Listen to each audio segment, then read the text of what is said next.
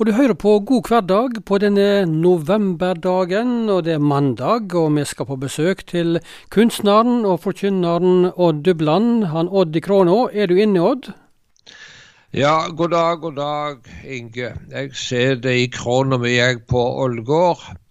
Denne krona er litt berømmelig da, for det er Odd i Kråna, som de sier. Ja, det er det, og det får du kanskje høre jevnt og titt, eller? Ja, jeg har møtt mennesker som sier 'Å, det er du som er i krona', sier de. Ja, de, jeg vet ikke hvordan jeg kan se ut, vet du. Ja, det, 'Å, det er du i krona', ja. Vi skal snakke litt om um hva det kan bety med et sangvers til dømes, som kan sette spor og kurs i livet. Og da skal vi stanse for en kar som ble født for 250 år siden. Det er et slags jubileum dette året for eh, lekmannspredikanten og næringslivsgründeren Hans Nilsen Hauge. Og eh, han eh, møtte på noen vers ifra sangene i livet. Ja, han eh, var ute og plødde på ågeren. Jeg lurer på om det var den 5. april, var det 1795? Og så gikk han og sang. Og han sang på en sang, eller en salme, da, så i dag er over 300 år gammel. Den var skreven av en tysk prest og sjelesørger og en pietist som heter Allendorf. Og den lyder slik på norsk Jesus din søte forening og smake. Og Hans Nilsen Hauge han gikk og sang på den sangen. Og så var det det andre verset, da. Styrk du meg kraftig i sjelen her inne, at jeg må kjenne hva Ånden formår. Ta meg til fange, min tale og sinne, Led meg og lokk meg så svak som jeg går. Meg og hva mitt er jeg gjerne vil miste, når du alene i sjelen vil bo, og seg omsider på døren må liste alt som forstyrrer i hjertet min ro. Det var denne setningen, meg og hva mitt der jeg gjerne vil miste, når du alene i sjelen vil bo. Dette tok så tak i Hans Nilsen Hauge at det forandra hele hans liv. Ja, hvordan da? Ja, det ble en innvielse til Gud, og han ble fylt av kjærlighet til Gud og sine medmennesker. Og det var en opplevelse liksom som viste at du kan ha et personlig forhold til Gud. Og eh, det forandrer i grunnen hele Hauge sin måte å være og leve på, denne salmen som han sang. Eh, han eh, begynte jo da å reise rundt og dele Guds ord med folk og han eh, grudde seg for det. Han ville egentlig ikke, men han så nøden, og han følte en indre tvang til å gjøre det. Men han ba til Gud og sa det, send en annen enn meg. Ikke send en vanlig bondegutt. Finn en biskop eller noe slikt. Men han eh, måtte være tro i det kallet han fikk, og så begynte han å reise rundt. Og han eh, kom en gang til Trøndelag, og så virka han eh, Dette var i 1799. Og han eh, virka på en plass som heter Leinstranda i Meldalen i Sør-Trøndelag. Og det som skjedde der, det var det at det ble det som vi i dag kaller for en vekkelse for han hadde møte der, og mye folk som var henfalne til drikk og svir eller alkoholisme. De omvendte seg etter de hadde hørt Hauge sin forkynnelse. De ble gode borgere. Og til å sitte og drikke og tulle og, og rote og suse, så bytte de dette vekk og ut med kristen sang og i plassen for slagsmål og uro så ble det fred. Det var resultatet etter vekkelsen i, eh, på Leinstranda. Men så var det lensmannen og presten som lurte på hva dette her var for noe, og hva Hauge drev på med. Og han ble kalt inn til avhør. Og neste dag så ble han sendt til rådhusarresten hos politiet i Trondheim. Det var to dager før julaften i 1799. Og der sitter han på julekvelden, og så skriver Hauge en salme. Ja, det gjorde han. Og hva, hva salme ble det? Ja, den står altså i vår sangbok på 346. Og den gir i grunnen et veldig godt bilde over hvordan Hauge var, og hvordan Hauge tenkte, og hva han opplevde. Og så skal en huske på her er dette skrevet av en som er arrestert for evangeliets skyld. Ja, jeg sier litt mer om hvorfor ble Hans Nilsen Hauge arrestert?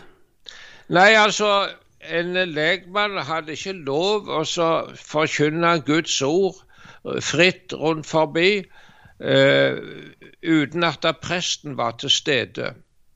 Det var noe som ble kalt for konventikkelplakatene. Altså En konventikkel det var egentlig en samling kanskje av uh, kristen uh, fortegn. Og det var ikke tillatt for en person å forlate sitt yrke og gi seg ut på forkynnelse av Guds ord. Og denne denne loven var det som ramma Hans Nilsen Hauge. Han brydde seg ikke om den loven, for han følte på en indre trang til å dele Guds ord. Og så ble han altså arrestert pga. det. Og han sa det jo inne i, eh, i over ti år i fengsel. Og store deler av denne tiden så sa han uten lov og dom. Kan du tenke deg det, du, Inge? Veldig urimelig eh, etter vår tenkning. En, ja, en forferdelig behandling av en god mann som var med oss og løfta opp småkorsfolk. Og fikk folk vekk fra lastene sine og fikk de interessert i det som står i Bibelen. Og han, eh, han to-tre av disse årene han satt i fengsel, så, eh, så var det såkalt tukthus det var hard, et svært hardt fengselsopphold, og det knekte helsa hans. Og han, når han kom ut av fengselet siste gang, så var han ødelagt på kropp og sjel. Og han døde da han var 53 år gammel. Bare tenk på det. Men så var det denne salmen da som han skrev i fengselet. Ja, dette var altså julaften i 1799. Da var han altså i slutten av 20-årsalderen? Ja, kanskje det. Og han skrev slik Jeg er hos Gud i nåde. Hva skader verden meg? Om den en stund får råde og stenger meg min vei om den mitt legem binder i fengselets mørke skjul, dog ånden overvinner og holder glad sin jul. Jeg har bare lyst til en liten kommentar, du, du Inge. Altså Midt i dette at han sitter i ei mørk fangecelle oppe i Trondheim, langt vekke ifra sin barndomsheim, blant folk som gjør narr av han og håner han, så sitter han der og så holder glad sin jul. Midt i alt så hadde han glede. Ja, det virka utrolig at han uh, kunne skrive. Ja, ja, ja. Og så skal vi ta vers to. Den onde flokk ei fatter hva åndens virkning er. De møter dem med latter som har sin Jesus kjær. De vil ei se og kjenne hva tjener dem til fred, men det er blindt å renne i mørkets avgrunn ned. Altså Hauge han bruker så sterkt et uttrykk, altså 'den onde flokk'. Altså En annen oversettelse har det gitt det slik 'den vantro flokk'. Men Hauge skrev 'Den onde flokk', altså. Han møtte vondskapen.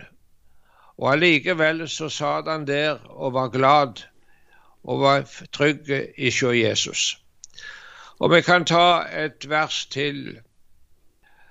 Guds nåde nu og styrke, og stå oss kraftig bi, at vi ham rett kan dyrke og følge sannhetssti, og alle våre dager med et forenet sinn, for ham oss selv forsage i himmelen trenge inn.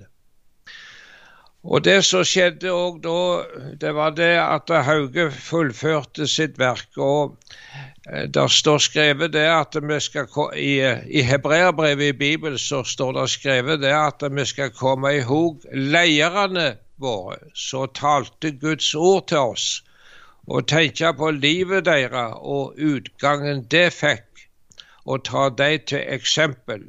Slik står det skrevet i Bibelen. Og Hvis jeg tenker på Hauge når han, når han lå for døden, så var han ødelagt på kropp og sjel av det norske maktapparatet.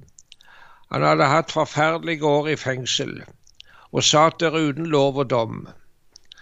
Og når han lå på dødsleiet sitt, så var det kona hans så sto attmed han, og så hørte hun han sa Du evig gode Gud, Altså, han kaller Gud for god. Tenk på det, Inge. Du evig gode Gud. Og så sier han 'følg Jesum'. Han brukte det uttrykket der. Følg Jesum. Altså følg Jesus. Det var det siste Hauge sa. Ja, det var siste ordet, altså. Ja. Og allikevel, sjøl han hadde blitt så mishandla av det norske samfunnet, så sier han 'du evig gode Gud'. Ja, det var bare noen tanker som jeg hadde i dag om hva en salme kan bety for oss. Ja. Hjertelig takk skal du ha for at du tok fram dette rundt Hans Nilsen Hauge sitt liv, og fortalte om det i dag, Odd Dubland.